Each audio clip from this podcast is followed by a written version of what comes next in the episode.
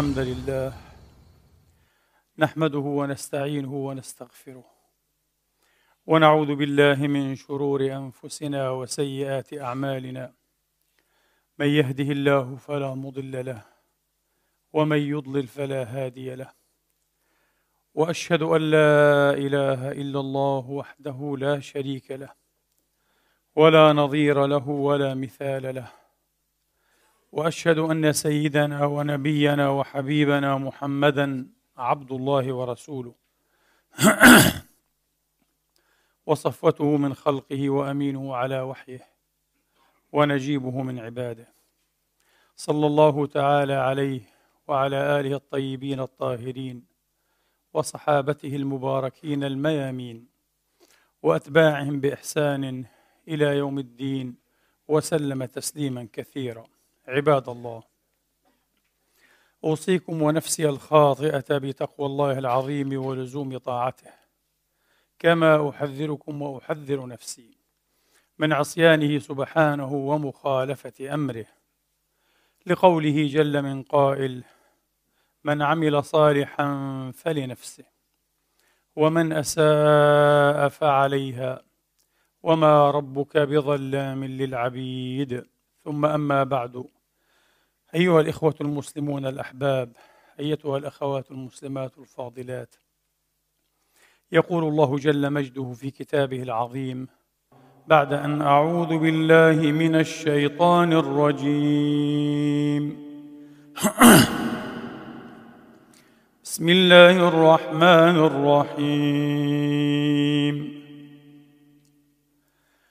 واتل عليهم نبأ ابني آدم بالحق إذ قربا قربانا فتقبل من أحدهما ولم يتقبل من الآخر قال لأقتلنك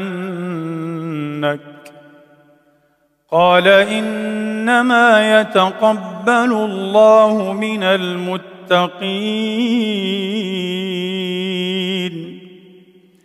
لئن بسطت إلي يدك لتقتلني ما أنا بباسط يدي إليك لأقتلك.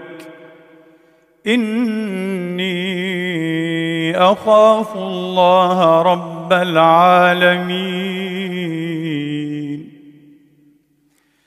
إني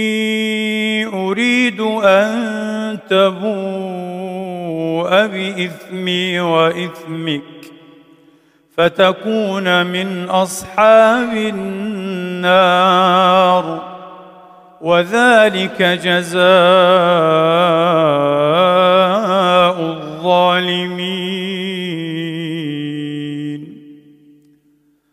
فطوعت له نفسه قتل أخيه. فقتله فأصبح من الخاسرين. فبعث الله غرابا يبحث في الأرض ليريه كيف يواري ليريه كيف يواري سوءة أخيه. قال يا ويلتى أعجزت أن أكون مثل هذا الغراب؟ فأواري سوءة أخي فأصبح من النادمين. قال يا ويلتى أعجزت أن أكون مثل هذا الغراب فأواري فأواري سوءة أخي فأصبح من النادمين.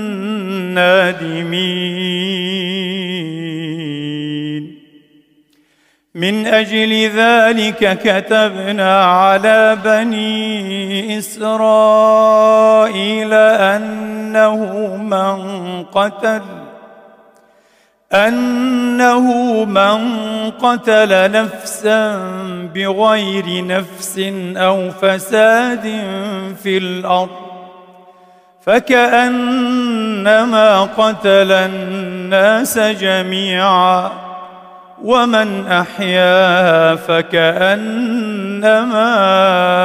أحيا الناس جميعا ولقد جاءتهم رسلنا بالبينات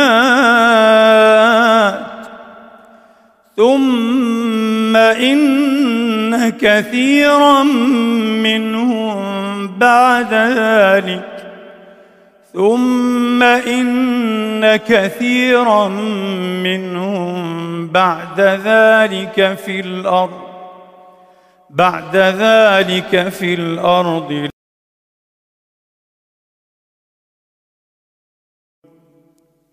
صدق الله العظيم. وبلغ رسوله الكريم ونحن على ذلك من الشاهدين. اللهم اجعلنا من شهداء الحق القائمين بالقسط. آمين. اللهم آمين. إخواني وأخواتي روي عن الإمام الجليل شيخ أهل مكة في عصره. الإمام سفيان بن عيينة رضي الله تعالى عنه أنه قال الحسد أول ذنب عصي به الله عز وجل في السماء. فوق هناك حسد إبليس آدم. وكان بينهما ما قص الله علينا في كتابه العزيز.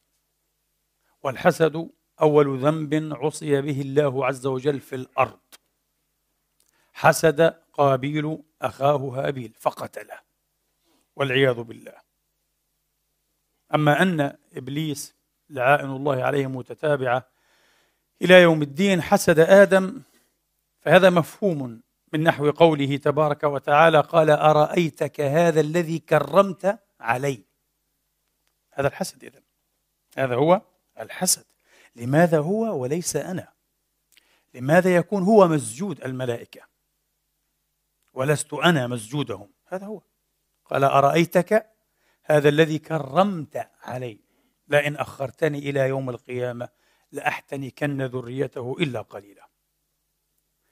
وأما قصة قابيل وهابيل فالسياق واضح سواء في الكتاب المقدس أو في الكتاب الأعز أنه ما قتله إلا نفاسة وغيرة وحسدا. مع أن الموضوع له علاقة بالازدلاف إلى الله تبارك وتعالى. قرب قربانا. عجيب. عجيب. الله تبارك وتعالى أرسل علامة. أفهمت أن قربان قايين أو قابيل هو المقبول. فإذا ورطة الحاسد ليست تقتصر على تسميم وإفساد علاقاته بالناس. بل إنها تضرب وفي الصميم في الأساس علاقته بالله تبارك وتعالى. في الأساس من الحسد لا يكمن فقط سوء النية والطمع والشعور بالدونية ومن ثم الغضب على المحسود. لا ليس هذا فقط كل هذا كامن كل هذا ماثل. في الأساس وفي القلب من الحسد يكمن أيها الإخوة شرخ كبير في التوحيد. عيب عظيم. عظيم في الإيمان. ومن هنا قال السادة العلماء أشد حديث ورد في الحسد. قوله عليه الصلاة وأفضل السلام فيما أخرج الإمام النسائي وغيره. لا يجتمعان في قلب عبد الإيمان والحسد. لا يجتمعان. النبي هنا يصدر عن فلسفة وعن فهم عميق جدا فلسفة إلهية نبوية رسالية.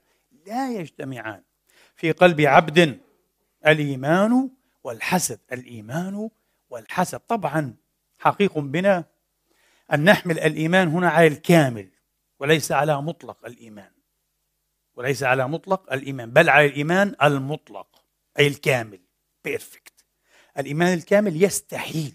ولذلك لا شغل للحسد مع الكملة اللهم كملنا بأخلاق أوليائك وعارفيك. لا شغل الحسد لا يشتغل لا يعمل. يعجز يشل يفسد من تلقائه أمام الكمال. لا طريق له لأن الكمال بمعنى من المعاني استغناء. هذا الكامل من البشر غني أيها الإخوة. غني عن أن ينظر إلى ما عند غيره. وإذا نظر فرح ولم يفرح بالشر. الحسود يفرح بالشر. شيء خطير جدا. ومن هنا أمرنا أن نستعيذ بالله من شرور أيها الإخوة. أربعة. ومنها ومن شر حاسد إذا حسد. نستعيذ. كما نستعيذ بالله من الشياطين الأبارس المرجومة. نستعيذ بالله من شر هؤلاء الحساد والعياذ بالله. لأن الحسود يفرح بالشر يتمناه يتمنى. يريده. الحسود يريد الحرائق أيها الإخوة. يريد المصائب يريد النكبات يريد الدموع والدماء يفرح بها. شيء خطير جدا. لذلك هو من أرذل الرذائل. من أرذل الرذائل ومن أسوأ المعاصي على الإطلاق على أن البشر مذ كانوا لا يعترفون به. من ذا الذي يأتي يقول لك أي والله أنا أعاني من الحسد يتآكلني الحسد سمم روحي وأفسد علاقتي بإخواني وأحبابي وجيراني بل بأقربائي. أكثر ما يكون الحسد بين الأقرباء طبعا أكثر.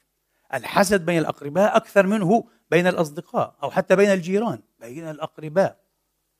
لذلك أرسطو في كتابه روتريكا أو البلاغة كتاب البلاغة في الكتاب الثاني منه اقتبس اقتبس هذا البيت من الشعر.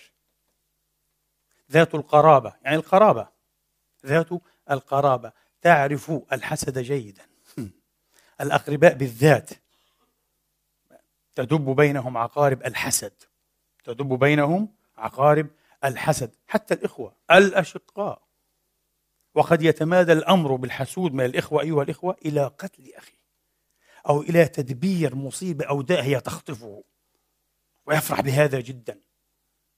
وقد لاحظ جزينفون الفيلسوف جزينفون في كتابه المذكرات أو التذكارات ميمورابايليا بالإغريقية أن من الإخوة من الأشقاء من يعطي ويبذخ ينفح ويكرم على البغايا والمحظيات.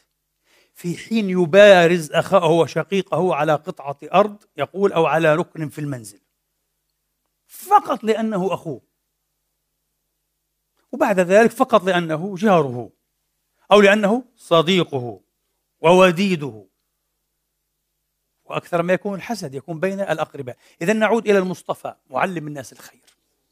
أعظم معلم للأخلاق. وإذا ذكر لا يذكر عنده لا أرسطو ولا أفلاطون ولا كانت ولا أحد ولا كونفوشيوس ولا بوذا. أعظم من علم الأخلاق أيها الإخوة. لكن لا أحسننا ولذلك أرجو ألا يقال وعظ. المهم كيف نعظ؟ كيف نفهم؟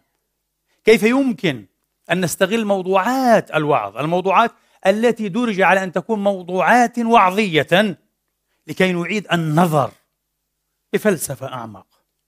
لكي نلقي أضواء هادية من جديد على الموضوع فنراه في ظل ضوء جديد.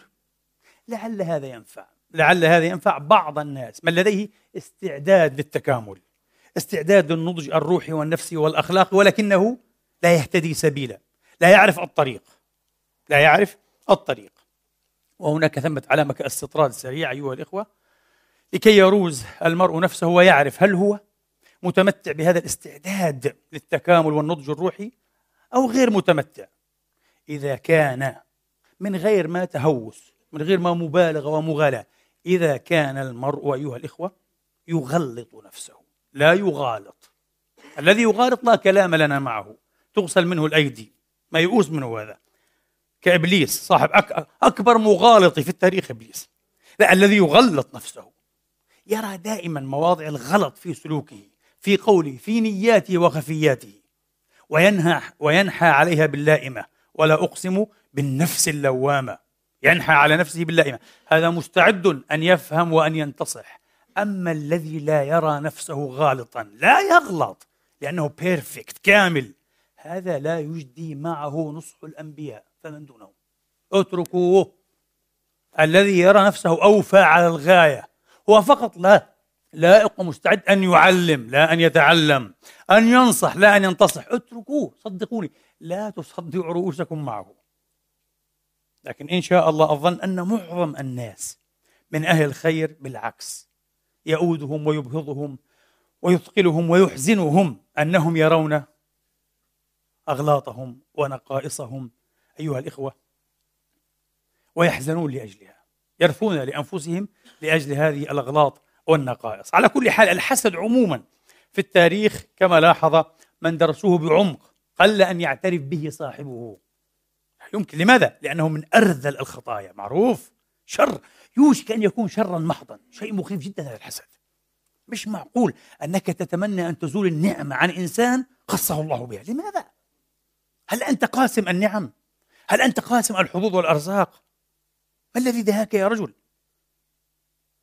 لكن انظروا إلى التربية المحمدية الصحابة كانوا أكثر وفاء لضمائرهم وأكثر صدقا مع حقائقهم وأنفسهم من غيرهم بكثير وهم الصحابة رضي الله تعالى عنهم وأرضاهم في الحديث الذي لن أسوقه بطوله لأنه طويل ومعروف لكم جميعا حديث أنس الذي أخرجه الإمام أحمد في مسنده في قصة الرجل بالأنصار الذي أنبأ رسول الله ثلاث مرات في ثلاثة أيام متواليات أنه يطلع عليكم رجل من أهل الجنة. تعرفوا القصة؟ فاتبعه عبد الله بن عمر سار في أثره وادعى له ما تعلمون؟ بعد ذلك بعد أن انقضت الليالي الثلاث وكان بينهما ما كان ثم قال الرجل لابن عمر وقد لحق به ما هو يا أخي إلا ما رأيت لست كثير العبادة. لست كثير العبادة. متوسط جدا في عبادتي. حتى أن ابن عمر أيها الإخوة أوشك أن يحتقرها. تقال لها شو العبادة هذه؟ هذه عبادة تدخل صاحبها. هذه عبادة عادية الحد الأدنى المفروضات يعني. صلي العشاء ينام الرجل. لكن إذا تعار من الليل إذا استفاق وتحرك عفوا فإنه يذكر الله تبارك وتعالى. فإنه يذكر الله بسم الله قال يا أخي ما هو إلا ما رأيت غير أني لا أجد في نفسي لأحد من المسلمين غشا. قلبه طاهر بارئ. اللهم طهر قلوبنا. اللهم نور ضمائرنا وقدس سرائرنا يا الله. حتى تكون بالموضع الذي تستأهل وتجدر أن تنظر فيها نظرة رحمة وعطاء وكرم. الله أيها الإخوة عينه ليست ترى الأشياء فقط. هي ترى كل شيء لكنها ليست ترى الأشياء فقط بل ترى الحقائق أيضا. تذكروا هذا جيدا. دائما اجعلوه على ذكر منكم. اجعلوه على ذكر منكم. عين الله لا تقع على السطوح على الأشياء بل على الحقائق. حين ينظر الله إليك لا ينظر إليك على أنك تصلي وتصوم وتركع وتسجد وتحج وتعتمر وتصدق. ينظر إليك مباشرة على أنك إلى من تتوجه بهذه العبادة وماذا تريد. في قعر قعر بل في قرارة قرارة نفسك. هو يرى هذا لا إله إلا هو. فاجعل يا أخي واجعلي يا أختي همك وهمك نظر الله إليك لا نظر الخلق. لذلك ينبغي دائما أن نعنى إلى الغاية بتطهير هذا. تطهير القلب والنفس. لا تزيين الظواهر بالزخارف الفارغة أيها الإخوة. ايا تكن تلكم الزخارف. قال غير أني لا أجد في نفسي غشا لأحد من المسلمين. يعني ناصح أمين. تأخذ منه النصيحة خالصة. لا يشوبها شوب الغش. بعض الناس لا يصبح كما في حديث عياض بن حمار في مسلم بعض الناس لا يصبح ولا يمسي إلا وهو يخادعك عن أهلك ومالك. طبعا كم وكم؟ كم وكم؟ سمعنا برجل اختدع رجلا في أهله فطلق منه زوجه ثم تزوجها بعد ذلك والعياذ بالله. شيء عجيب. تسبب في الطلاق بحيلة معينة. حسد. هذا هو الحسد تماما؟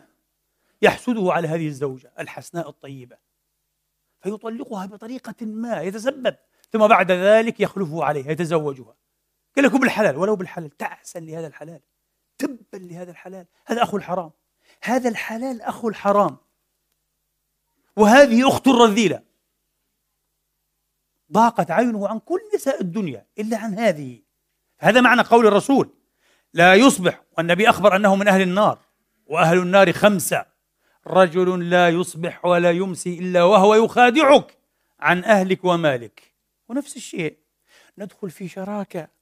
نفتح مشروعا هو يريد أن يتغول مالك يا مسكين وأنت تصدق. ثم تعطيه رزقك ورزق ولدك وعيالك. والله وحده يعلم هل تعيش لكي تدبر لهم رزقا غيره أم هذا آخر ما لديك؟ ثم يتغول ويقول لك لم تربح التجارة. قضاء وقدر. ظل يفتل لك بين الذروة والغارب كما يقال. يفتل لك بين الذروة والغارب. خادعك واختدعك حتى أوقعك. ثم تخلى عنك وقد ظفر زعم بمالك. وما ظفر إلا بنار جهنم تلظى في أحشائه. إنما يكون في بطونهم نارا وسيصلون سعيرا. فيه وفي أمثاله أيها الإخوة. طبعا. هذا هو. قال غير أني لا أجد في نفسي غشا لأحد من المسلمين ولا أحسد أحدا على خير أعطاه الله إياه. أفرح لكل أحد. كل أحد من الله عليه أغدق أوسع عليه أنا أفرح له. لا أحسده. لماذا؟ هذا عطاء الله. الله بحكمته بكرمه بلطفه. هو الذي يعرف كيف يقسم الحظوظ والأرزاق. أعترض على الله؟ قل لمن بات لي حاسدا أتدري على من أسأت الأدب؟ أسأت على الله في حكمه حين لم ترضى لي ما وهب. هذا هو؟ هذه إساءة أدب على الله. لذلك كما قلت لكم الحسد ليس مشكلة فقط في العلاقات يفسدها ويسممها بل يضرب في صميم العلاقة بالله. صميم علاقتك بالله. لذلك لا يجتمع مع الإيمان. الإيمان الكامل الصافي الرائق. لا يجامعه ولا يجامع هو. الحسد والعياذ بالله ومن شر حاسد. إذا حسد قال عبد الله بن عمر حين ذاك رضي الله تعالى عنهم وأرضاهم أجمعين. هذه التي بلغت بك. من أجل ذلك النبي أخبر ثلاث مرات أنك من أهل الجنة. إذن الجنة ليست بالضرورة تستحق بكثرة الصلاة والقيام والذكر والقرآن ليس بهذا ليس بالضرورة. هذا من طريق الجنة بلا شك من طريق الجنة لكن ليس بالضرورة بهذا وحده. لكن تستحق الجنة أيها الإخوة وتجب برحمة الله. ولا يحق على الله شيء إلا برحمته أبدا. إنما تستحق أيها الإخوة برحمة الله وبفضله بالقليل من العبادة بالحد المفروض على الأقل من العبادة مع طهارة النفس والقلب والفؤاد. طهارة الإنسان. هذه وظيفة العبادة أصلا. وظيفة العبادة أن تطهر نفسك. أن تسمو بها أخلاقك وطبائعك تتهذب نحائزك جبلتك طبائعك. بالعبادة بالذكر باليقين بالقرب من الله تبارك وتعالى. هذا هو. قال هذه التي بلغت بك وهذه التي لا نطيق. الله أكبر يا عبد الله. عبد الله بن عمرو بن العاص رضي الله تعالى عنهما يقول هذه التي لا نطيق. نحن لا نطيق ألا نحتمل غشا لأحد من المسلمين وألا نحسد أحدا على فضل وخير ساقه الله إليه. قال هذه صعبة. يقولها هضيمة لنفسه رضي الله تعالى عنه وأرضاه وتواضعا وعلما منه وتقريرا بصعوبة هاتين الخصلتين. النصح التام للمسلمين بل لعباد الله. والبراءة من الحسد. والبراءة من الحسد. لذلك في حديث معروف لنا جميعا أيضا إياكم والحسد. إياكم والحسد. فإن الحسد يأكل الحسنات كما تأكل النار الحطب. يأكل حسنات الإنسان. يصلي يصوم يحج يعتمر ثم هو رجل حسود والعياذ بالله. ينطوي على حسد. وهذا الحسد قد يستحيل ويتطور إلى بغي إلى كراهية منفلتة وما من شامت ما من شامت يشمت أيها الإخوة إلا وهو حسود لا شامت إلا وهو حسود أليس كذلك؟ لماذا يشمت؟ لماذا يشمت بإنسان امتحنه الله أو حتى عاقبه يا سيدي بعقاب ما لماذا الشماتة؟ نسأل الله العفو والعافية لماذا نطرح هذا الموضوع أيها الإخوة؟ بعض الناس كما قلت قبيل قليل في صدر الخطبة قد يظن أن هذه الموضوعات موضوعات كلاسيكية قديمة لا تناسب العصر. لا لا لا لا. بالذات هذا العصر وليس عصر المسلمين عصر الأوروبيين أيها والأمريكان والكنديين والأستراليين. هذا العصر بالذات أكثر عصر لابد أن نتحدث فيه عن مثل هذه العوائق للنمو الأخلاقي والروحي والنفسي والاجتماعي. طبعا في الموروث الثقافي لشعوب الأرض جميعا بلا استثناء لا أقول لا أقول هذا أنا آه. إنما يقوله الدارسون الذين تخصصوا في الموضوعات هذه قالوا في الموروث الثقافي لشعوب الأرض جميعا يعادل بين الحسد وبين الشر الاجتماعي ما رأيكم؟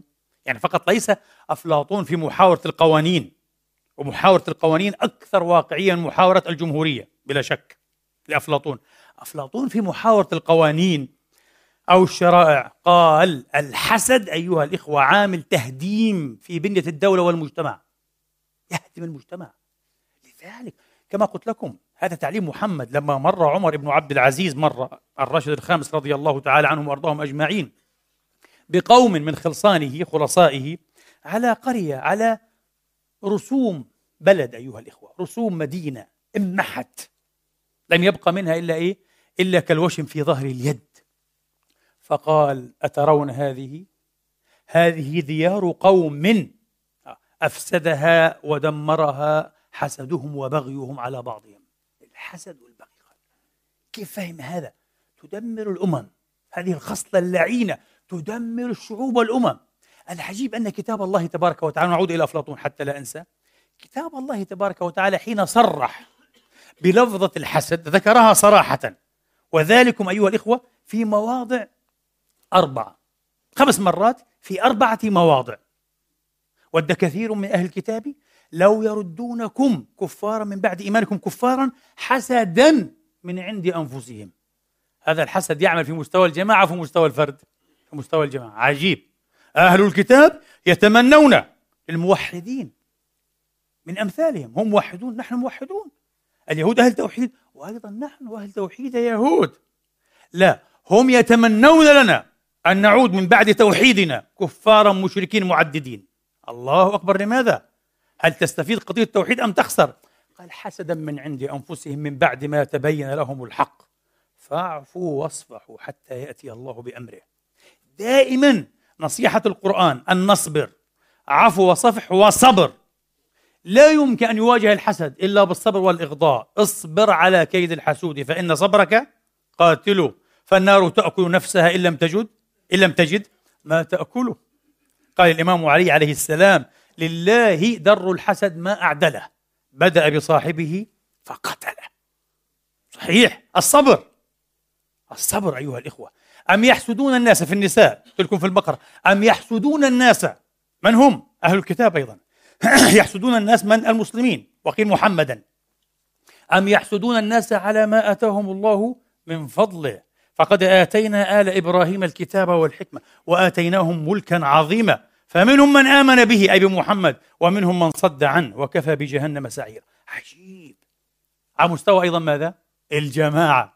سيقول المخلفون أي من الأعراب أه؟ إذا انطلقتم إلى مغانم لتأخذوها ذرونا نتبعكم. يريدون أن يبدلوا كلام الله. قل لن تتبعون كذلكم. قال الله من قبل فسيقولون بل تحسدوننا. بل كانوا لا يفقهون إلا قليلا. في الفتح على مستوى ماذا؟ الجماعة. انتبهوا. الحسد شيء خطير على مستوى الجماعات والأمم والشعوب. ليس فقط على مستوى الأفراد ومن هنا ضرورة المواعظ الأخلاقية التي يوعظ بها الأفراد والفرد دون الفرد والواحد وراء الواحد. لا لا لا. هذه مسألة لها علاقة بقوانين الاجتماع والتاريخ. بقوانين الاجتماع ومن هنا كما قلت لكم تنبه أفلاطون إلى هذه الحقيقة في القوانين. قال تعمل ضد المجتمع هذه الخصلة تدمر المجتمعات تدمر الدول يقول. قال لأن الذي لا تطيب نفسه إلا إذا افترى على غيره حسدا وبغيا أراد أن يحرمه فضائله. طبعا. يقول لك ما هذا؟ هذا البعيد كذا وكذا وكذا. عكس ما فيه تماما.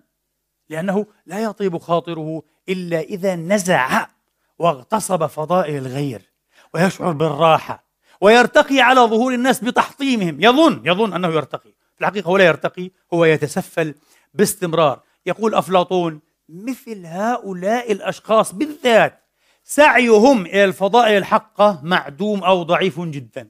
شفت؟ والمجتمعات لا تتقدم بالحسدة. تتقدم بماذا؟ بالعاملين بالمجدين بالساعين. الذي يعمل ويجد ويسعى يندر أن يجد وقتا ماذا؟ للحسد. ينفس عن هذا الشعور الرذل الشعور الدنيء الوبيل وقته مستغرق في ماذا؟ في العمل. أما الحسود وقته مستغرق في ماذا؟ في تنقص الناس. وتتبع العورات ونشر الأفائك والأكاذيب وتلفيق التهم والوصمات الحق الوصمات بهم. يقول أفلاطون هذا يعمل ضد الدولة يعمل ضد المجتمع. أخيرا ومن شر حاسد إذا حسد. وهذه أيضا تعم. يدخل فيها الأفراد وتدخل فيها الجماعات. ومن شر حاسد إذا حسد والعياذ بالله تبارك وتعالى. اذا هذه مسألة أيها الإخوة لها علاقة بالإيمان لها علاقة بالإيمان. لماذا؟ كما قلت أعيد لكي أعمق هذه النقطة. لماذا هذا الموضوع ضروري وراهن في هذا الوقت وفي كل وقت؟ تعلمون لماذا؟ لأن الإيمان يتراجع. طبعا في الغرب كله بلا شك الإيمان متراجع جدا من قرون. من قرون للأسف والإيمان يعاني من أزمات حقيقية. آه، من أزمات حقيقية. لم يمر بالبشرية عهد أو عصر انتشر فيه الإلحاد كهذا العصر. يقال يقال. هناك زهاء مليار ملحد. لا يؤمنون بوجود الذات العليا. شيء مخيف مقلق. إن صح هذا فهو شيء مخيف ومريع أيها الإخوة. فتراجع الإيمان. ما علاقة تراجع الإيمان بهذه الموضوعة؟ الأخلاقية الاجتماعية. واضح جدا جدا العلاقة واضحة جدا يا إخواني حين يتراجع الإيمان لا تظن أن الحسد أيضا يذوي ويتراجع بالعكس يتقدم ويذر بقرنه أه؟ ويتشعع ويمتد يبسط ظلاله تعرفون لماذا؟ لأن الإيمان مرة أخرى أذكر في عمقه أمل وعزاء ما رأيك؟ الإيمان أمل دائما وعزاء في أشياء لا أمل فيها في أشياء لا أمل فيها على مستوى الدنيا على الأقل فالإيمان يتقدم يكون ماذا؟ عزاء في أشياء الأمل فيها لا يزال مرجوا يتقدم الإيمان ليكون ماذا؟ أملا مبسوطا أمامك وإذا غاب الأمل تماما بالكلية الإيمان يؤدي دور ماذا؟ العزاء قال تبارك وتعالى وجعلنا بعضكم لبعض فتنة أتصبرون؟ فتن الله الفقير بالغني وفتن الغني بالفقير. فتن الحاسد بالمحسود والمحسود بحاسده أليس كذلك؟ أتصبرون والخطاب للطرفين. هل تصبر على كيد حاسدك؟ وهل تصبر على نعمة محسودك؟ اصبر ودع عنك الحسد. واصبر ودع عنك التشفي. غض كما يغض الكرام. دعه دعه لحسده يتأكل. وادعو له بالشفاء من هذا المرض. الوبيء والعياذ بالله. أتصبرون؟ هو هذا. لا تمدن عينيك إلى ما متعنا به أزواجا منهم. زهرة الحياة الدنيا لنفتنهم فيه. ورزق ربك خير وأبقى. عزاء. قال ما عند الله خير من هذا؟ وقالوا لولا نزل هذا القرآن على رجل من القريتين عظيم. حسد. حسدوا محمدا. لماذا هذا الفقير؟ فقير أبي طالب. لماذا فقير أبي طالب يصبح نبيا رسولا؟ وليس رجلا عظيما من قريش أو من ثقيف. هذه القبيلة أو هذه القبيلة مثل عمرو بن هشام مثلا هكذا اقترحوا أو مثل أمية بن أبي الصلت الشاعر الثقفي الكبير لماذا؟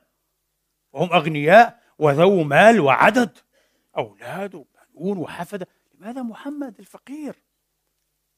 أهم يقسمون رحمة ربك؟ نحن قسمنا بينهم معيشتهم في الحياة الدنيا ورفعنا بعضهم فوق بعض درجات ليتخذ بعضهم بعضا سخريا ورحمة ربك خير مما يجمعون. عزاء عزاء كبير جدا. يجعل المؤمن يرفع شعاره في الحياة. لعل الذي أبطأ عني هو خير لي. لعل الذي أبطأ عني هو خير لي. أبطأ عني الغنى ولعل ذلك هو الخير لي. أبطأ عني النجاح حتى مع أنني بذلت الجهد واستقصيت. وما آلوت أه؟ لم آلو عملا وجهدا واستعدادا. ولم يحالفني النجاح. فلعل الذي أبطأ عني هو خير لي. قل بفضل الله وبرحمته فبذلك فليفرحوا. هو خير مما يجمعون. الله أكبر. ورحمة ربك خير مما يجمعون. هو خير مما يجمعون. كل ما يجمع. الناس تجمع ماذا؟ المال الشهادات الشهرة السلطة أيها الإخوة النجاحات كل هذا ما عند الله خير منه. عزاء عزاء حقيقي. لذلك أيها الإخوة في العصور الوسطى الأوروبية إلى مطلع العصر الحديث كان الشخص قليل الحظ. يوصف بماذا؟ بالشخص قليل الحظ. Unfortunate person يعني. Unfortunate. يقولون شخص حظه طايح بالعراقية يقولون حظه طايح. ليس له حظ كبير طايح الحظ المسكين. الله يطيح حظه. بدعو عليه ها؟ Unfortunate person يعني شخص حظه. ما معنى unfortunate معناه أيها الإخوة أن القدر لم ينفعه لم يهبه لم يهبه نعما كثيرة سابغة. هذا معنى الشخص غير المحظوظ. المسألة فيها روح ماذا؟ روح ديني. روح ديني مسألة إلهية. وهذا فيه عزاء. حتى التسمية بحد ذاتها فيها ماذا؟ فيها عزاء. لا يمكن تأتي تعير أحدا مثلا لم يرزقه الله الولد. لا يمكن وأن تكون مؤمنا. لأن الله قال يهب لمن يشاء إناثا ويهب لمن يشاء الذكور أو يزوجهم يخلطهم يعني. ذكرانا وإناثا ويجعل من يشاء عقيما الله هو الذي اختار هذا. تقول إيه هو البعيد أبتر. إن شانئك هو الأبتر. الله لم يعطيه الذكور أعطاه البنات عن محمد عليه السلام. قال تعالى إن شانئك هو الأبتر. أنت تعير ماذا؟ أنت تعير الشخص أم تعترض على المقدر لا إله إلا هو. أفصح عن صريحك كما يقال. أفصح عن صريحك. قل لي أنا ملحد. أرفع شعار الإيمان وأتصرف كملحد. أسلك كملحد. أشمت بالآخرين كملحد. صحيح؟ هنا لا يمكن لمؤمن أن يشمت أيها الإخوة. لأنه في الحقيقة لا يشمت بالعبد هو. هو يعترض على ماذا؟ على المعبود مقسم الحظوظ والأرزاق لا إله إلا هو. نحن قسمنا بينهم معيشتهم. يقول أنا من فعلت هذا؟ لم يختاروا هم أن تنقسم لهم حظوظهم على هذا النحو الذي كان. أنا الذي فعلت. لذلك تسمية unfortunate أيها الإخوة بيرسون شخص غير محظوظ تسمية بحد ذاتها فيها عزاء. عزاء. الله لم يشأ له إيه؟ أن يعظم حظه في المال أو العلم أو الجاه أو السلطة الآن في هذا العصر هل تسمعون هذا في الأدبيات الأجنبية؟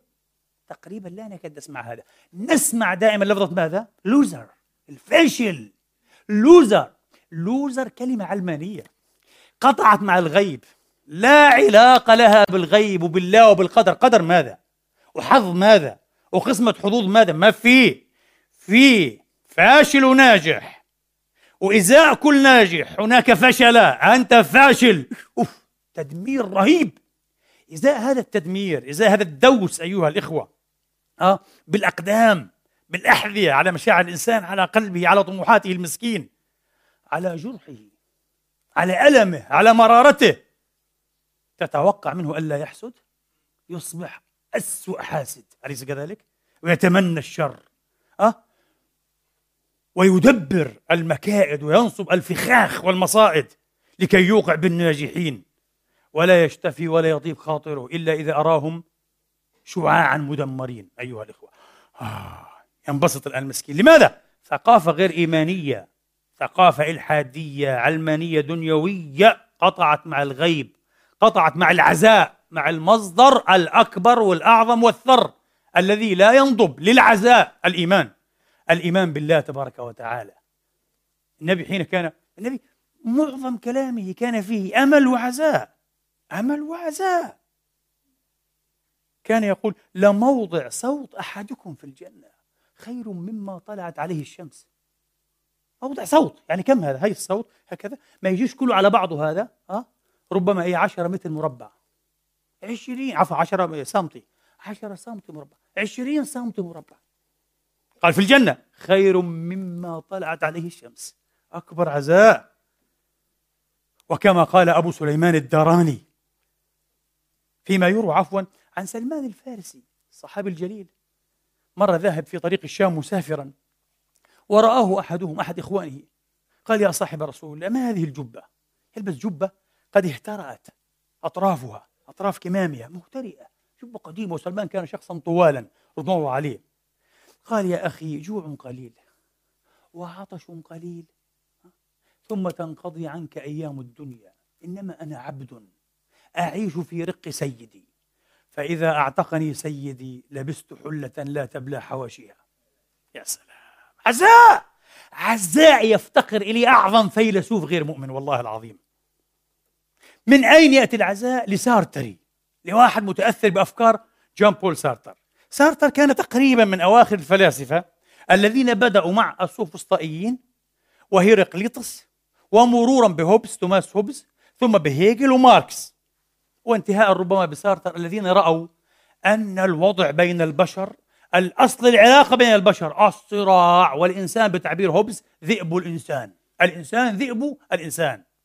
والجحيم هو بلسان سارتر هو الآخرون. الجحيم هو الآخرون. هو هذا. سارتر هذا الملحد طبعا. تلميذ هايدجر الملحد الألماني. سارتر كان يقول لو أن شخصا مقعدا على كرسي مدولب على كرسي مدولب دخل سباقا للعدو السريع. حبيبي كيف سيفوز؟ مستحيل. آه. قال ولم يفز لكان هو الملوم. حنقولوا أنت؟ طبعا سارتر هنا ينتحر فلسفيا ينتحر يكذب. يكذب على الحقائق. لا يمكن. ما في مجال لشخص مقعد أشل الرجلين أن يفوز في سباق العدو السريع على شخص صحيح. بلا كذب. تكذب على من؟ يا أخي نحن بشر لدينا على الأقل حد أدنى من العقل. لتذهب فلسفتك إلى ستين جحيما. كذب هذا كذب. لكن سارتر الذي لا يؤمن بال predestination بسبق تقدير الله للأعمال القدر لا يؤمن بالقدر لأنه يؤمن برب القدر لا إله إلا هو مقدر المقادير ويقول لك أنت ابنك أنت ابنك أنت ابن أفعالك. أنت خلاصة نتاج أفعالك. ما في شيء مقدر لك سلفا ما في ما في هذا مفهوم هذا كلام فارغ. هذا خرافات المؤمنين. جميل جدا. إذا أنا مالك البداية. يقول لك الشروط البدئية في يدك والنتائج النهائية في يدك. حين تفشل وتكون لوزر أنت الملوم يا لوزر. وحين تنجح. فأنت الذي قمت بكل الدور في بناء نجاحك. كذب أكبر كذب. التأمل الحقيقي في الحياة وفي الدنيا أيها الإخوة. طبعا لقد كان دوستويفسكي أعظم مليون مرة من سارتر. التأمل الحقيقي في الحياة في وفيك وفيها وفينا في كل ما يجري حولنا. يؤكد والله يا أخواني هذا يحتاج إلى محاضرة طويلة لا البدايات ولا النهايات بأيدينا. ما رأيكم؟ لست جبريا. لست فتالك لست جبريا لكن أنا أعي ما أقول. الشروط البدئية ليست في يد الإنسان. إذا لو كانت في يدك هل أنت من اختار أن يكون ذكرا وسوريا؟ ومن العائلة الفلانية؟ ذات الطبقة الفلانية؟ تقطع الطبقة الفلانية؟ في العصر الفلاني؟ في الشروط الفلانية؟ كذب لم تختر شيء من هذا أليس كذلك؟ هل أنت الذي اخترت قدرك الوراثي؟ جينومك. هل أنت اخترت أباك وأمك؟ لقد كان قبل أن يكون أبوين لك أصلا. كان فلان وفلانة. لم تكن أنت موجودا؟ فلم يكون أبا ولا أما لك لأنك لم تكن موجودا. هل أنت الذي اخترت قدرك الجغرافي؟ هل أنت الذي اخترت قدرك السياسي؟ أن تكون مثلا تحت نظام بشار؟ مش ابن برد يا ريته كان ابن برد كان أحسن. كان عندنا قصيدة أي هزلية ولا حتى أي غزلية. وأن تحاصر في مضايق الزبداني حتى تأكل الجلد أو تأكل حتى أخاك الميت؟ من اختار هذا؟ لا أنت لم تختر هذا. هل اخترت قدرك الثقافي الديني الفكري الروحي أن تكون من أهل الدين الفلاني أو من أهل المذهب الفلاني؟ الشروط البدئية ليست في يدك والنتائج يا سيدي صدقني ليست في يدك. حين يأتي المجرم المجرم ويقر بكل تفاصيل الجريمة بحيث لا يبقى شيء في الضوء عفوا في الظل. كل شيء يخرج من العتمة إلى الضوء. ويجيب باعترافاته عن كل ما حير. وكل يعني كما نقول إيه ما أتعب أدمغة المحققين. الجوابات واضحة. ويأتي أحدهم على طريقة مخرجي السينما يقول لك أها هناك كانت البداية. وهنا الآن أمام حبل المشنقة النهاية. كذب. لا هناك البداية ولا هنا النهاية. ما رأيكم؟ لأنه هنا بالذات بعد أن يعترف تبدأ الأسئلة الوجودية في طبقة أعلى وأعمق. ما هي؟ لماذا كان المجرم مجرما؟ ما هي الظروف التي هيأته والتي مر بها والتي اكتنفته والتي كذا كذا غيره حتى انتهى المسكين إلى أن يكون مجرما؟ ولعله ليس مسكين على كل حال ما هي الظروف هنا دخلنا في غابة مشتبكة بطريقة شبكية من العلل والمعلولات والمباعث والمثارات والأسباب والمسببات. لا بداية لها من نهاية. أنا أقول لك النهاية متروكة لله وحده. لذلك نحن تحت وهم أننا نعرف النهايات لأننا عرفنا البدايات ها؟ نقص في أحكامنا نقص في أحكامنا. طبعا نصدر أحكاما قاسية أخلاقية وقضائية. على أمثال هذا المجرم لكن ما عند رب العالمين لا يعلمه إلا رب العالمين أرحم الراحمين. لأن رب البدايات هو الذي ينسج النهايات الحقيقية. ما تظنه أنت نهاية بإلقائه في الثغر. في ثغر الموت أيها الإخوة أقول لك هو مجرد بداية يسيرة للنهاية الحقيقية عند الله تبارك وتعالى. لنكن متواضعين. دستايوسكي كان أكثر فهما بمراحل من سارتر لهذه القضايا الوجودية الإنسانية في عمق الإنسان عمق مأساة ودراما الإنسان أيها الإخوة. مع أنه أيضا من جوانب أخطأ الفهم دستوفسكي كان مقامرا كان مقامرا كبيرا. لعب قمار أيها الإخوة. وخسر أمواله وهدد بالسجن واضطر أن يترك بلده روسيا. ست سنوات هنا في أوروبا. هرب. ونفى نفسه. لأنه مطالب بديون مطالب بالسجن أيها الإخوة. لأنه كان مقامرا. فاسقا. صحيح أنه ترك القمار بضربة واحدة ومر إلى الأبد تحت تأثير زوجته الثانية أقنعته. لكن حين نقرأ المقامر لدستيوسكي نفهم أن هذا الرجل كان يهوى القمار بل كان مهوسا أو مهووسا بالقمار لأنه كان يراه أن الشروط البدائية أو البدئية ليست بيد الإنسان. ومن ثم كان يراها غير عادلة غير عادلة. هذا يولد وفي فمه ملعقة من ذهب. وهذا يولد مرميا في مكب القمامة. بحق أحكي بحق. هناك أطفال يعثر عليهم كل يوم. ملقين ملقين في مكبات الزبالة. أليس كذلك؟ أطفال. أنغال المساكين. هذا في قصر وفي فمه ملعقة من ذهب. وهذا في مكب القمامة. وين السواء هنا؟ وين السواء؟ ثم يستقبلون حياة تتفاوت تفاوت ما بين القصر وما بين إيه؟ القمامة أيها الإخوة. الشروط البدئية غير إيه؟ متعادلة وغير عادلة. هكذا فهمها دوستويفسكي. ومن هنا هوي القمار أحب القمار. لماذا؟ فلسفة بسيطة وغالطة. قال لأن القمار إعادة إنتاج للحياة مع شروط بدئية متساوية عادلة. تجلس أنت وأجلس أنا ها؟ قبالتك إزاءك على الطاولة. تدفع مئة تراهن بمئة أراهن بمئة. وعقلك يعطيك. من هنا جاذبية ها؟ من هنا جاذبية القمار. لكن كان على دستيفسكي وربما طرح السؤال ووجد الجواب ومن هنا ترك القمار. في لحظة واحدة ومر إلى الأبد ولم يعد إليه. عبقري كبير. كان عليه أن يسأل هل حقا وصدقا أعدنا الشروط البدائية لتكون بلا تفاوت وعادلة؟ غير صحيح. غير صحيح.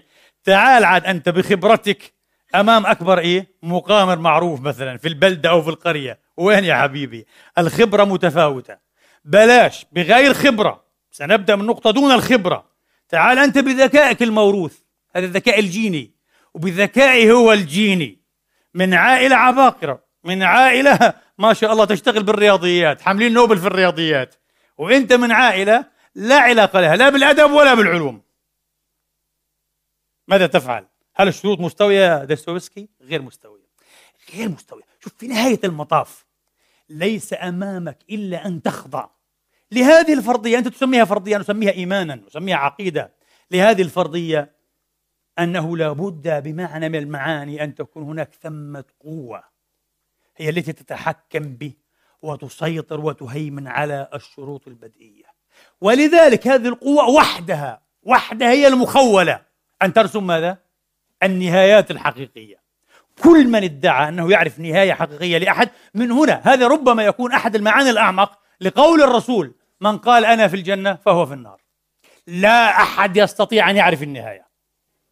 لا عزاء للملاحدة لمن ذاب وتلاشى إيمانهم.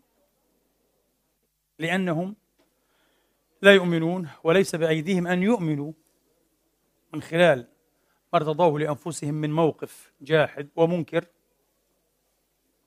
بأصل ومبعث قد يبعث على قليل من العزاء للشروط البدئية المتفاوتة. الشروط البدئية متفاوتة حقا. هل كان بوسع سارتر أن ينكر أن الشروط البدئية في حق هذا الأشل القعيد وفي حق العداء السريع العدو متفاوتة إلى حد بعيد جدا لا يستطيع أن يكرر على هذا. متفاوتة إنها متفاوتة.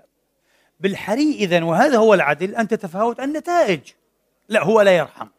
سيف سارتر الوجودي أيها الإخوة الذي يؤمن بأسبقية الوجود على الماهية واستتباع الوجود للماهية هذا السيف القاسي المسلط المسلط أيها الإخوة على رأس الضعفاء والمساكين وقليلي الحظ من الناس يقول تتحملون كامل المسؤولية عن النتائج والنهايات. عجيب. تحطيم. هذا دوس. لا يرحم كما قلت. ها على هؤلاء المساكين طائحي الحظ إنجاز التعبير. الإيمان قضية مختلفة تماما. قضية مختلفة تماما. عزاء كبير وأي عزاء عزاء كبير وأي عزاء إخواني وأخواتي. نعود إلى قضيتنا. الحسد كشعور أيها الإخوة والأخوات ليس ذلك الشعور البسيط الذي يمكن تفكيكه وتحليله ومن ثم فهمه بخطوات سريعة سلسة. لا. شأنه شأن تقريبا كل المشاعر مسألة مركبة شديدة التركيب وشديدة الروغان. كتب الفيلسوف الألماني نيتشه مرة يقول مشاعرنا كأفكارنا غير أن هذه الأخيرة أكثر بساطة. بعض الناس يظن أن الأفكار هي المعقدة. والرواغة والصعبة. لا المشاعر هي المعقدة والرواغة والصعبة جدا. تستعصي إلى حد بعيد جدا على الفهم أيها الإخوة. أكثر من الأفكار أكثر من الأفكار. نريد أن نجرب حظنا مع الحسد. نفككه من بعض الجهات. نفككه من بعض الجهات. في البداية في القرن الثامن قبل ميلاد السيد المسيح عليه السلام كتب الشاعر الغنائي اليوناني هيسيود أو هزيود يقول الخزاف لا يحسد إلا الخزاف. والمطرب المغني المطرب لا يحسد إلا المطربين أمثاله.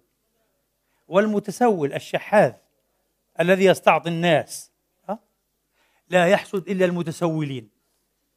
ملاحظة ذكية جدا. محاولة لتفكيك الحسد. الخزاف صانع الفخار أيها الإخوة صانع الأواني الفخارية لا يحسد فيلسوفا ولا يحسد شحاذا والشحاذ لا يحسد بدوره صانع الخزف لكن خزاف يحسد خزافا. مطربا يحسد مطربا ضريعه وضريبه وهلم جرا يأتي أرسطو بعده بأربعة قرون في القرن الرابع قبل الميلاد في Rhetorica rhetoric يعني البلاغة في كتابه البلاغة يؤكد مرة أخرى يؤكد مرة أخرى أننا نحسد من يشبهوننا. هومونويوي باليونانية بالإغريقية الهومونويوي يقول نحسد أشباهنا. والمشابه التي ذكرها أرسطو مشابه في الولادة في السن في البلد ابن البلد. طبعا يعترف بك العالم وآخر من يقر بك أهل بلدك أصدقائك وجيرانك. لا لا هذا لا راح ولا أجي هذا فلان ابن سميح العرج هذا ولا شيء هذا. مش أبوه أبو عبد أبو العبد الفران هذا؟ مسكين والعالم آه. طبعا ولن يعترفوا إلا بعد إيه؟ أن يكسر العالم عنادهم بإعطائك جائزة عالمية أو لقبا عالميا أو يقول لك العالم يقول هذا فخر كان مبين عليه منذ نعومة أظفاره. كذبوا في المرتين. لا هم عرفوه منذ نعومة إيه؟ أظفاره ولا هم صدقوا في تقييمه. طبعا البلدية البلدية دائما إياك أن تأخذ عموما من حيث القاعدة. مأخذ التسليم رأي بلدي في بلديه. كذلك المعاصرة كذلك المعاصرة. على فكرة التراث الإسلامي حقيقة ليس من باب الاحتفاء. والله أشياء كثيرة يا أخواني. تعز على الحصر. ترى هذا التراث قد استوعبها وتمثلها. وأحيانا سبق إليها وسبق بها. شيء غريب يعني. عليك أن تتعمق في هذا التراث. أشياء بعد ذلك يأتي فلاسفة يفرغونها في قالب فلسفي عميق جميل. لكن التراث الإسلامي بعبارات بليغة رشيقة قررها بشكل واضح. يقولون لدينا في أدبيات الإسلامية المعاصرة أصل المنافرة. المعاصرة أصل المنافرة. عصريك لا يسلم. ولذلك الموت يأتي حلالا للمشاكل ومطلقا للألسنة بالمدحة والثناء. بعد أن تموت. كان رجلا طيبا. ما كان رجلا طيبا. أنت بالأمس اتخذته ألد الخصام. الآن طبعا لأنه مات. وإذ قد مات فقد ارتفعت المنافسة. ما في منافسة الآن ما في مسابقة. فيصبح أحسن الناس وأكرم الناس وأعلم الناس وأفضل الناس. ديموستين خطيب اليونان الأول. ديموستين أو ديموستينس ديموستين يقول هناك تيار خفي يسري باستمرار. تيار خفي سار باستمرار من الحسد ضد الأحياء. أما الميت فإني لا أكره حتى خصمي الألد. ما دام مات يصبح حبيبا. حتى وهو إيه؟ خصمي الألد الذي كان. الموت حلال المشاكل. حسد. عجيب. هذا هو الحسد. الحسد يمنعك أن تنصف إيه؟ المعاصرين. تنصف الأشباه. تنصف الأشباه. فإذا مات وتولى مباشرة تقر له بالفضل. لارتفاع. عجيب. ضيق صدر الإنسان. شوف أبو الطير المتنبعات فيلسوف كبير جدا أروع شاعريته تتفوق على خطابية ديموستين عشر مرات على الأقل. قال لعمرك ما ضاقت بلاد بأهلها ولكن صدور الرجال تضيق. يا الله. يقول بلد مثل دمشق مثل فيينا القاهرة القدس القيروان تونس ما بعرف إيه. بلد كبيرة هذه. تضيق أن أن تسع اثنين؟ وهي تتسع عشرين مليونا؟ لا مش ممكن. على فكرة مارسيل بروست صاحب بحث عن الزمن الضائع وبين قوسين أحسن روائي على الإطلاق حلل وفكك وتعمق مشاعر الغيرة والحسد. jealousy envy بروست. وبالذات في هذه الرواية. رقم واحد. رقم واحد. إذا أردت في قالب روائي أن تدرس الغيرة والحسد بروست. بس بروست هو كان أستاذا في الغيرة والحسد. كان حسودا جدا وغيورا جدا حتى قال فيه أقرب الناس إليه إذا اختلفت معه عليك أن تغادر البلد. البلد كلها تضيق الآن. أنت تسعى لبروست ولك. من لا يستطيع خلاص. لابد أن يسعى في تلويث سمعتك في تسميم حياتك بأي طريقة. غيور. وأفلح جدا على الأقل الثمرة الوحيدة الجيدة التي استفدناها من وراء رذيلته. التي مارسها في حياته هو أنه أفلح جدا في تشريح هذه الرذيلة في عمله الروائي السردي الأدبي. إذا لعمرك ما ضاقت بلاد بأهلها ولكن آه، أخلاق الرجال صدورهم يعني أخلاق الرجال تضيق ضيق الخلق هو ضيق الصدر. لا يرى أن العالم كله الدنيا يمكن أن تتسع له ولخصمه ولمنافسه. فإذا مات منافسه أيها الإخوة انقلب إيه؟ انقلب حبيبا ودودا. الآن بعد إذ يموت. لكن وهو حي الدنيا لا تسع إيه كليهما لا تسع الاثنين معا. شيء غريب جدا. إذا ديموستين لاحظ هذه الناحية منذ البداية. إذا المشابه التي ذكرها أرسطو في ال Rhetorica ما هي؟ الميلاد السن البلدية المهنة حتى القرابة كما قلنا. وذكرت أنه استشهد إيه؟ ببيت شعر. أه؟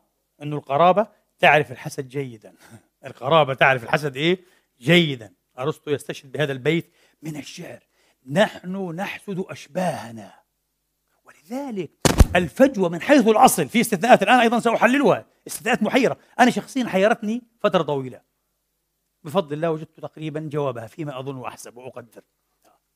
من حيث الأصل إخواني وأخواتي الفجوة بين الحاسد والمحسود من حيث الأصل ضيقة. يعني مثلا كما قال أحد الدارسين الذي يمتلك دراجة بخارية. يحسد جاره أو صديقه أو قريبه الذي يمتلك سيارة عائلية متوسطة. يحسده لكنه لا يحسد من يمتلك رولز رويس مثلا أو دملر أو طائرة فردية. لا يحسده التفاوت بعيد جدا جدا. ما في إمكانية لعبور الفجوة. لكن إذا في إمكانية لعبور الفجوة ولو في يوم من الأيام أحسدك عجيب. كأنه هذه الرذائل مدافع رشاشة أيها الإخوة تنطلق فقط على الذين يكونون إيه في مرماها. إذا أنت في مرمى نيراني مش حرحمك. بس إذا أعلم أنك مش في مرمى النيران أنا سأتركك. لذلك يقول الدارسون ما في إمكانية لم يحصل أن أحد من الناس يحسد مثلا ملكة بريطانيا. صحيح؟ إيه؟ أو ملك السويد أو ملك حتى السعودية. لا نحسد هؤلاء نحن. أنا أحسد زميلي. قريب مني في السن القريب مني إيه؟ في أشياء أخرى كثيرة. والذي أنجز ما لم أنجزه وحصل ما لم أفلح في تحصيله هذا أحسده. أود أن أدمره. لكن ما بحسد إيه؟ رئيس أمريكا. طبعا رئيس أمريكا سيحسده فقط المنافس الذي فشل في الانتخابات. إيه؟ بالطبع طبعا إيه؟ إزاءه. يحسده. لكن أنا وأنت ما بحسده أنا صحيح. وحتى سياسي أمريكي عادي أه؟ من درجة دنيا لا يحسده. ممكن يكرهه لكن لا يحسده. الحسد فيما إيه؟ مشابهة. في إمكانية لعبور إيه؟ الفجوة. واضح يا إخواني؟ إمكانية عبور الفجوة. لكن هنا في استثناءات. لذلك نعود إحنا عودا على بدء. لكي نستسلف سقراط الشهيد العظيم نصيحته. المسكين هو كان ضحية الحسد. بعض الناس لا يعرف هذا. قرأ آلاف الصفحات عن سقراط ولا يعرف أن سقراط في الأبولوجي أو في محاورة الدفاع محاورة الدفاع لتلميذه أفلاطون. طبعا لسان سقراط وكذا. المهم في محاورة الدفاع خاطب سقراط هيئة المحلفين أو هيئة المحكمة يعني عموما ال court تبعهم بالقول. قال لهم أنا هنا ضحية الحسد. لقد عشت حياتي على نحو لا يذم بل يمدح. لكن الذي كان أنني حسدت ووشي بي وأتي بي هنا من باب الحسد قال. ثم تساءل المسكين بطريقة تبكي يعني. قال ما عساه من يحسد شخصا مثلي؟ قال أنا؟ أنا عشت حياتي أزهد في الشهرة أزهد في أموال الناس. طبعا كان يعلم كذا من غير ما يأخذ فلسا واحدا. كان عنده أزمة عائلية ممتدة مع زوجته كسنتبة هذه بسبب أنه إيه؟ فقير مقل لا شيء عنده. السوفسطائيون وهو عدوهم الأول. عدوهم الأول. الألد. يكسبون كانوا إيه؟ الذهب. بألسنتهم وخطابيتهم معروف. هو لا يأخذ شيئا فقط لأجل العلم لأجل المعرفة لأجل أخلاق المجتمع وأخلاق النشء كان. 24 ساعة يربي ببلاش مجانا.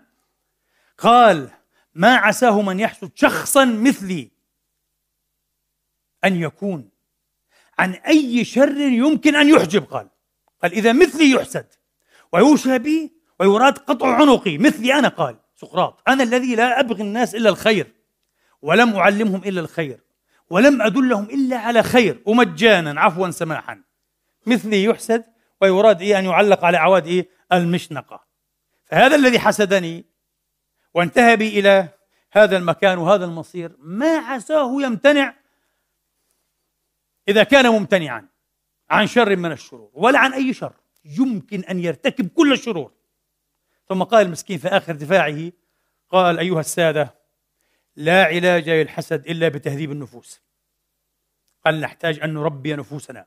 وهذا نقوله اليوم لأمتنا لأنفسنا. نحتاج أن نربي نفوسنا. فأرجع أقول يا إخواني بعض الناس بعض الناس قد يحسد غير أشباهه. إذا القاعدة أننا نحسد إيه؟ أشباهنا. لماذا يمكن أن نحسد غير أشباهنا إذا؟ كيف؟ ترى عاميا شخص عامي. عامي من الناس يشتغل بأي مهنة بأي وظيفة بأي حرفة. يحسد مثلا طبيبا ناجحا. أو عالما فيزيائيا أو عالما حتى إيه في الشريعة أو في الفلسفة. طب لماذا؟ أنت عام أنت مش من أهل العلم. طبيب يحسد طبيب مفهومة. صحيح؟ رجل أعمال يحسد رجل أعمال مفهومة. شيخ يحسد شيخا مفهومة. لكن رجل عامي أو عامل أو محترف أو ممتهن مهنة يحسد عالما مش مفهومة. ثم فهمتها. هو لا يحسده على علمه ولا لأجل علمه ويحسده لأنه قريب منه. إما صديق إما جار إما بلدي. أه؟ في علاقة. لابد أن تكون هناك ثمة علاقة. تقرب إيه؟ الفجوة. وتجعل المنافسة محتملة بمعنى ما. لكن موضوع الحسد ليس العلم. وليس الأشياء الأخرى. إنما هو ماذا؟ الشهرة. هو يحسده على شهرته. إنه مشهور. وأنا خامل الذكر غير مشهور. يحسده على اعتباره الاجتماعي على حيثيته على مكانته. وأنا لا مكان لي في المجتمع. لكن يبقى هنا أيضا شيء غير مفهوم ما هو؟ ما هو؟ أنه يا أخي كيف نال الشهرة هو؟ نالها بالعلم بالطب بالهندسة بالفقه بالشيء اللي هو فيه بالفلسفة نال بهذا وأنت لم تنافسه في هذا الطريق أو في هذه الطريقة فلما تحسده على إيه؟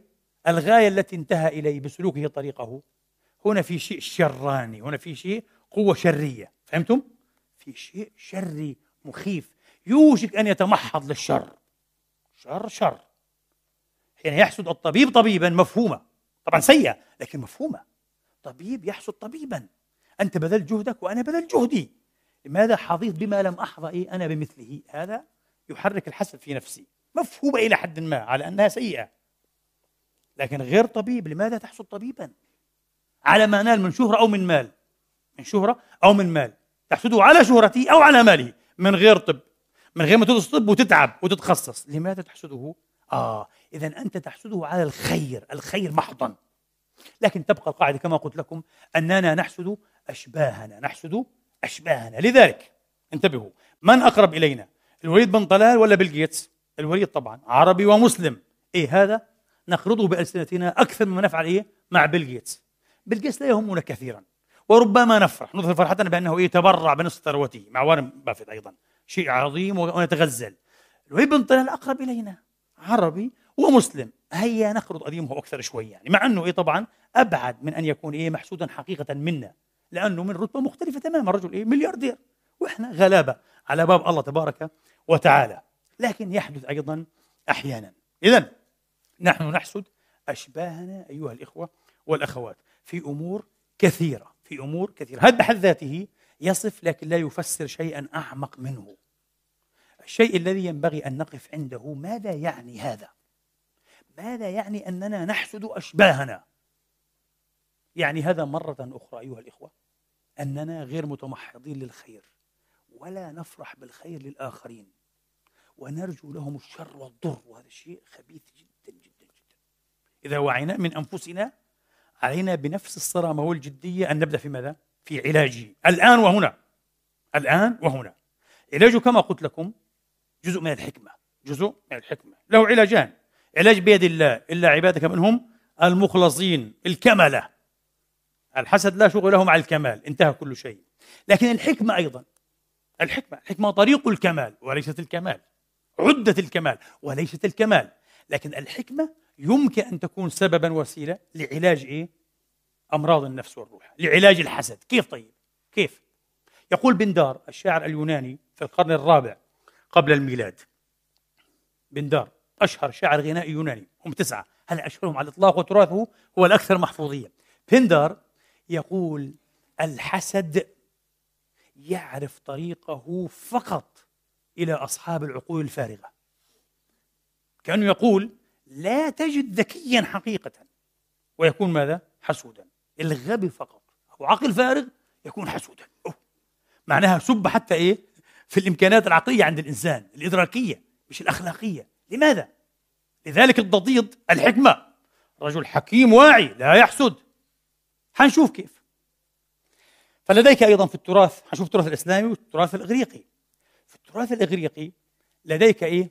مقولة تقول الفيلسوف يعيش الفيلسوف يعيش سعيدا سواء أكان مشهورا أم خامل الذكر.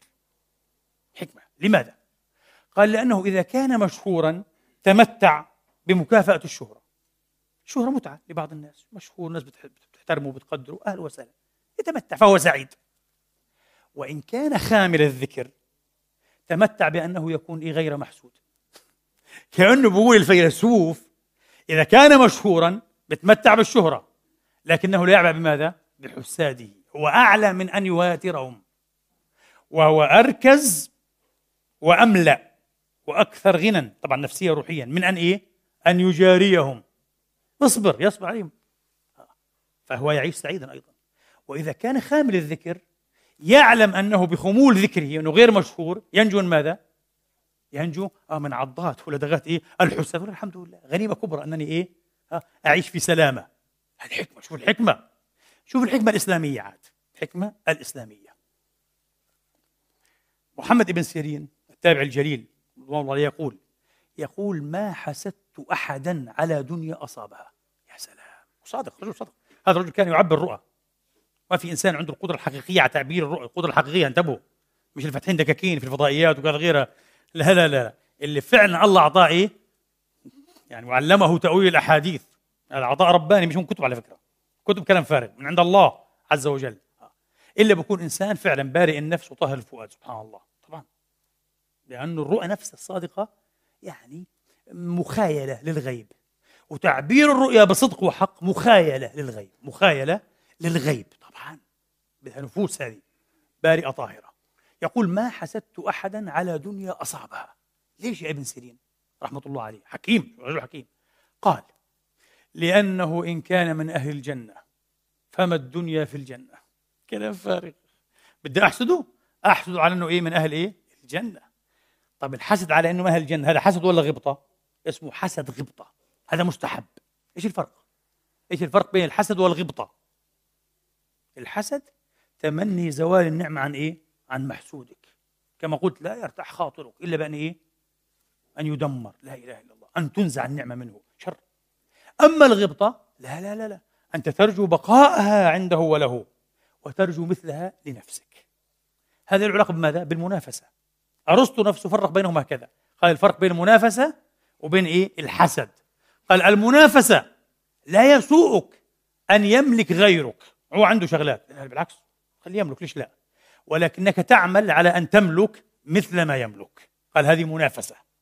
أما الحسد فأنت تعمل على أن يفقد ما يملك مما لا تملك. أعوذ بالله. شر. قال تعالى وفي ذلك فليتنافس. يمكن الآن بعضكم يعني إيه يعني له أن يسأل طب إيش الفرق بين الغيرة والحسد؟ لأنه في ناس خاصة في الأدبيات الأوروبية تقريبا شبه يعادلون بين الغيرة إيه والحسد أحيانا. الغيرة والجلسية والإنفي نفس الشيء. لا في لازم يكون في فرق. لكن عموما في المخيال العام الحسد أدخل في الشر من ماذا؟ من الغيرة. يقول بعض الدارسين لذلك نحن نتساهل نتسامح في وصف أولادنا بأنهم إيه؟ يتغايرون. أولادي بغار بعضهم من بعض ابني بغار من إيه؟ من أخيه. بس ما بقولش إيش؟ يحسدوا بعضهم بعضا لأنه شر هذا. فأنت بتنزه أولادك عن إيه؟ عن وصمة الحسد. يتغايرون ولا يتحاسدون. صاحب قاموس مترادفات إنجليزية في القرن التاسع عشر فرق بينهم بطريقة بالنسبة لي جميلة جدا على المستوى السيمانتيكي الدلالي فعلا ممتازة يعني. قال الغيرة هي بخصوص ما نملك نخشى أن نفقده. طبعا هي مصنفة من قديم إلى الغيرة المهنية والغيرة العائلية والغيرة الجنسية. هيك يقسمونها. واحد بغار على عرضه. ما معنى بغار على عرضه يعني؟ طبعا. بغار أن يفقد هذا الشيء. طبعا. أن يفقد شرفه شرف ابنته شرف أمه شرف زوجته غيرة هنا. والغيرة من الإيمان والغيرة ومن علائم الرجولة بلا شك. ما بغار بعيد تعرفون ماذا يقول عنه العوام صاحب أنكر الأصوات. ما بغار كذا يقولون. طيب هذه الغيرة. الغيرة على ما نملك نخشى أن نفقده. أما الحسد فهو ألم ممض ومقلق بسبب ما يملكه غيرنا. زنون فيلسوف الشهير أيضا في موراليا الأخلاقيات إيش يقول؟ يقول ليس سبب الألم الذي يتآكل الحسد نجاح الأعداء. أنه عدو نجح لا مش هذا هو الحسد. ولا فشل ومصائب الأصدقاء. لا.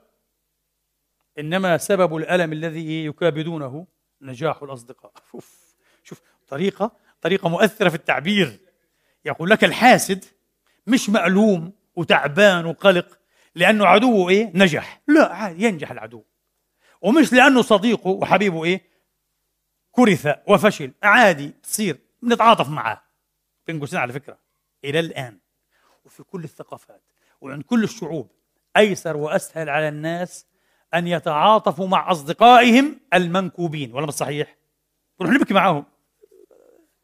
إذا انتكب في امتحان انتكب في وفاة انتكب في مال بنروح نبكي ونبوس فيه وعادي بكل صدق هذا أسهل علينا مئة مرة من أن نحتفل بماذا؟ بنجاحهم صح ولا مش صح؟ صح ليش بنحكي هذا؟ عشان تعرف إنه إيه؟ فينا حسد حسد كريه بغيض شرير صح؟ طبعا أسهل أن تتعاطف معه في مصيبته من أن تحتفي وتحتفل بنجاحه وإنجازه صعب عليك الاحتفال بنجاح صديقك لكن سهل تتعاطف معه إيه؟ في مصيبته. طريقة جميلة هذه للتكريف عشان نكره الحسد. ونعلم أولادنا كيف يكرهوه ويحتقروه. أسوأ الرذائل وما في فائدة لأحد. من يستفيد منه؟ والله لا أحد. الكل يتضرر بالحسد وأكبر المتضررين. الحسود نفسه. ولا مش صحيح؟ أحيانا طبعا بتضرر المحسود مسكين. تشوه سمعته. ولا مش صحيح؟ خاصة الحين ما شاء الله أقول لك تعالى العرب يا حبيبي لا يمكن يترك ناجح أيها الإخوة. أو رجل كتب له القبول أو التوفيق في شيء لا يمكن لابد أن يدمروه بخمسين مليون طريقة 24 ساعة. فممكن في الأخير إيه؟ كما قال أفلاطون ممكن يتضرر هذا المسكين. إرنست هيكل العالم المفكر الألماني التطور الشهير ذكرناه في سلسلة التطور. هيكل آه أملاوت آه. إرنست هيكل يقول ماذا؟ يقول الحسد أبشع وأفظع الرذائل. لماذا؟ لأنه لا يستفيد منه صاحبه أي فائدة. لا هو قصر هنا. هيكل قصر بالعكس هو لا يأتي بفائدة هذا مسلم بل لا يأتي إلا بالمصائب. على الآخرين وبالذات على إيه؟ على صاحبه على الحسود على منبعه والعياذ بالله تبارك وتعالى. شيء فظيع. طيب نرجع. فإذا الحسود أيها الإخوة ما بزعل لنجاح الإيه؟ الأعداء ولا لكوارث الأصدقاء ما يزعله ما يؤلمه ويمضه ويقلقه هو ماذا؟ نجاح الأصدقاء. نجاح الأصدقاء شيء في منتهى البؤس في منتهى البؤس. قبل أشهر جاء أحد أبنائي إبراهيم. والله كم فرحت فرحت بهذه اللفتة منه أكثر بالله من نجاحي في تلك المادة. بقول لي بابا أنا أخذت المادة الفلانية آينزي واحد. قلت له بارك الله ممتاز بارك الله فيك بابا الله يفتح عليك. أحسن واحد كنت. قال لا بابا فلان كان أحسن مني. وبكل فرحة يقول ويضحك إبراهيم. قلت له. كيف أنت الأول؟ قال بابا هو واحد الأول plus كمان. أعطي له plus يعني. آه. فهو أفضل مني بابا ويضحك وهو مبسوط أنه هذاك أفضل منه. أخذته ودموعي تترقرق. قلت لأمي أقسم بالله هذا لأمي أفضل من نجاحي عندي عشر مرات. آه. طبعا شجعته على هذا هو لا يفهم أنني فرح بهذا. هو هكذا نفسيته طيبة يفرح أنه لا زميله أحسن من بابا فرحان هذا شيء جميل جدا. يا ريت الرب أنفسنا وأولادنا بالذات على مثل إيه؟ هذا الخلق لذلك انتهزوها فرصة لأقول بين مزدوجين إياكم وإياكن أن تبدأوا البداية الغلط مع أولادكم أبنائكم وبناتكم بإدخالهم بإقحامهم في مقارنات إياكم أنتم تشعرون بهذا الحسد في قلوبهم منذ نعومة أظفارهم كيف يعني؟ يعني إياك فهم ابنك تقول له إيه؟ ليش فلان أفضل منك؟ ليش صاحبك فلان أفضل منك؟ في إيش هو أحسن منك؟ أنت عندك الماء عنده متوفر لك كل شيء. ليش هو جايب أحسن منك؟ شوف أخوك شوف أخوك. جايب الاثنين أخوك دائما الأول. دائما واحد. ليش؟ في إيش أحسن منك أخوك طيب؟ إياك. بالطريقة هذه تعلمه أن يحسد إيه؟ أخاه وأن يحسد زميله ثم يحسد العالمين. أفسدت عليه حياته. إياك أن تفعل هذا. إياك. لا تدخله في مقارنة. إطلاقا.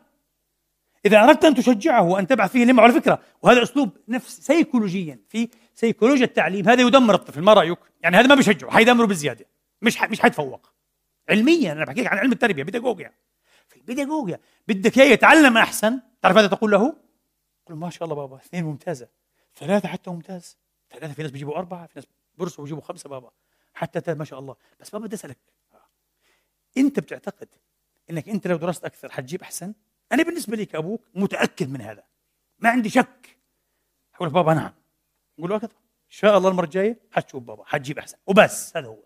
لا تدخله في مقارنات. وليش هو مش أنت؟ وليش أنت إياك؟ فقط أفهمه أنك أنت دائما يمكن أن تتجاوز ذاتك يا إبني. ممكن تتفوق على نفسك. أنت ممكن تجيب أحسن من هيك. أكيد بابا تقدر تجيب أحسن من هيك. بس أسلوب صحيح في التربية. ذاك أسلوب خاطئ. ما هو أصلا أكيد بدنا دراسات اجتماعية سوسيولوجية نفهم ليش الحسد مستشري فينا في العرب. مستشري كثير كثير. أنا بقول لك البداية الحقيقية من الأسرة من الأب والأم.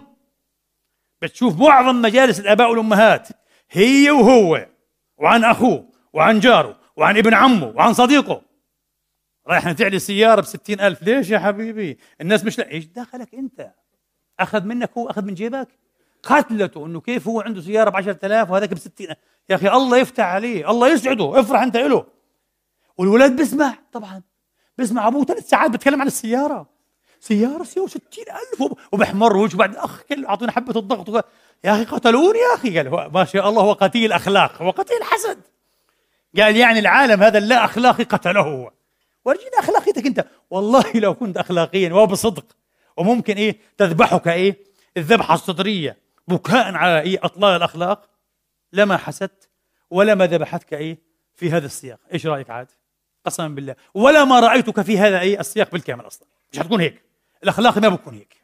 بالعكس. كما قلت لكم بيفرح للناس ويرجو لهم الخير. كل الناس. ويعمل على هذا كمان. كم أحتقر أنا الرجل أو المرأة اللي عنده طريقة يعمم بها الخير ثم هو إيش؟ يحتجنها لنفسه. يحتجنها يعني يحتكرها إذا نحن نحسد إيه؟ أشباهنا المعنى الذي ذكرناه. المعنى الذي لم يذكروه هو أنه في العمق من هذا آه، يروغ ويلعب الشر والعياذ بالله. إذا في شر معناها يوشك أن يكون شرا محضا شرا محضا. فقط نحن لا نحسد كما قلت مرة أخرى الآخرين لأننا لا نستطيع أن نحسدهم بتعبيري أنا ليسوا في مرمى نيراننا. لو كان في مرمى نيراني طب حتقول لي كطريقة عملية عاد سيبنا من التعويذ والرقى والأشياء والتمائم. كطريقة عملية أنا رجل حتقول لي أتعبني الحسد حسد أقربائي وإخواني وجيراني أتعبني لأنه الله معطيني بعض التوفيق. حتقول لي هيك كيف أعمل؟ إيش أساوي؟ في طرق عملية. حاسن الناس. أشرك الناس في بعض الخير الذي إيش؟ أولاك الله. فهمتوا علي؟ طبعا بدنا أشياء عشان نكون منصفين برضه هذا طبع الناس ماذا تريد؟ انت لا تستطيع أن تصلح الكون. هيك الدنيا هي. يا إما تعتزل وتعيش وحدك طرزان في الغابة. وإذا بدك تعيش في المجتمع كائن اجتماعي بدك إيه؟ تفهم هذا المجتمع. وإنت في طريق اصلاحه بدك تحاول إيه؟ أيضا إنك تضحي. بعض التضحية أن تشرك الناس هؤلاء اللي بتعاني منهم في بعض ما أولاك الله. رأى حكيم اثنين. يتماشيان بمشوا بعضهم قاعدين. واحد مش عليه الأبهة وثياب فاخرة رافعة وواحد غلبان مقطع المسكين. فقال ما هذان؟ مش من هذان؟ ما هذان؟ إيش عمهيتهم قالوا صديقان. قال فما لهما فما لهما لا يستويان. ليش هذا هيك مهلهل؟ وهذا لابس كذا. قال ما بصحش كذب هذا. مش هذا ليس صديقين وفعلا ليس صديقين. إذا كنت صديقي وأنت ما شاء الله الله فاتح عليك يا أخي شوية مش هطلب منك. أنت انفحني عيب عليك لأنه هذه بتكون سبة فيك أنت. أنا ما بتحدث على الأصدقاء الآن بتحدث على الإخوة. في إخوة إخوة أبناء أب وأم رحم واحد وصلب واحد أشقاء. عيب أنا أكون هيك وصاحبي يكون شحات وأنا مش صحيح. وأكبر عيب أكون هيك وأبي أو أمي أو أخي وأختي ونسيبي وصير يكون تعبان حالته. وين أنت يا رجل؟ فهذا علاج. بدك العلاج؟ علاج صعب. بدك تضحي بدك تعطي. أنت كمان فيك عيب. هو حاسد وأنت بخيل. ولا مش صحيح. نار وبنزين يعني. هتشعلوا الدنيا أنتم بالطريقة هذه. لا. هو حاسد وأنت كريم بتخف. ولا مش صحيح. قوة الحسد. آه ممكن بعدين تطلق لسانه بالمدح. مزبوط ولا لا؟ أقول قولي هذا وأستغفر الله لي ولكم فاستغفروه.